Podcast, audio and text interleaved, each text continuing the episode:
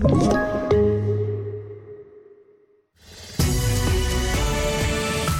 TV4-nyheterna börjar med att polisens arbete mot sexualbrott mot barn kritiseras i en intern rapport från den nationella operativa avdelningen NOA. Det rapporterar Veckans brott i SVT. Enligt rapporten sorterar polisen rutinmässigt bort uppgifter om barnsexbrott via nätet och över tusen ärenden ska ha blivit liggande i väntan på utredning. 200 av dem högprioriterade där gärningsmannen fortfarande befaras vara aktiv. Och Stefan Löfven borde bjuda in influencers som lägger upp festbilder till ett möte för att få dem att förstå allvaret med coronapandemin. Det tycker SSUs förbundsordförande Filip Botström. Han säger till Aftonbladet att personer med tusentals följare borde föregå med gott exempel eftersom de bland annat har många unga följare.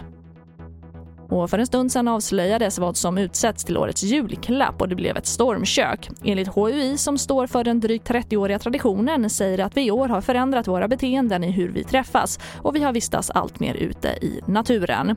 Och det får avsluta TV4-nyheterna. Jag heter Charlotte Hemgren.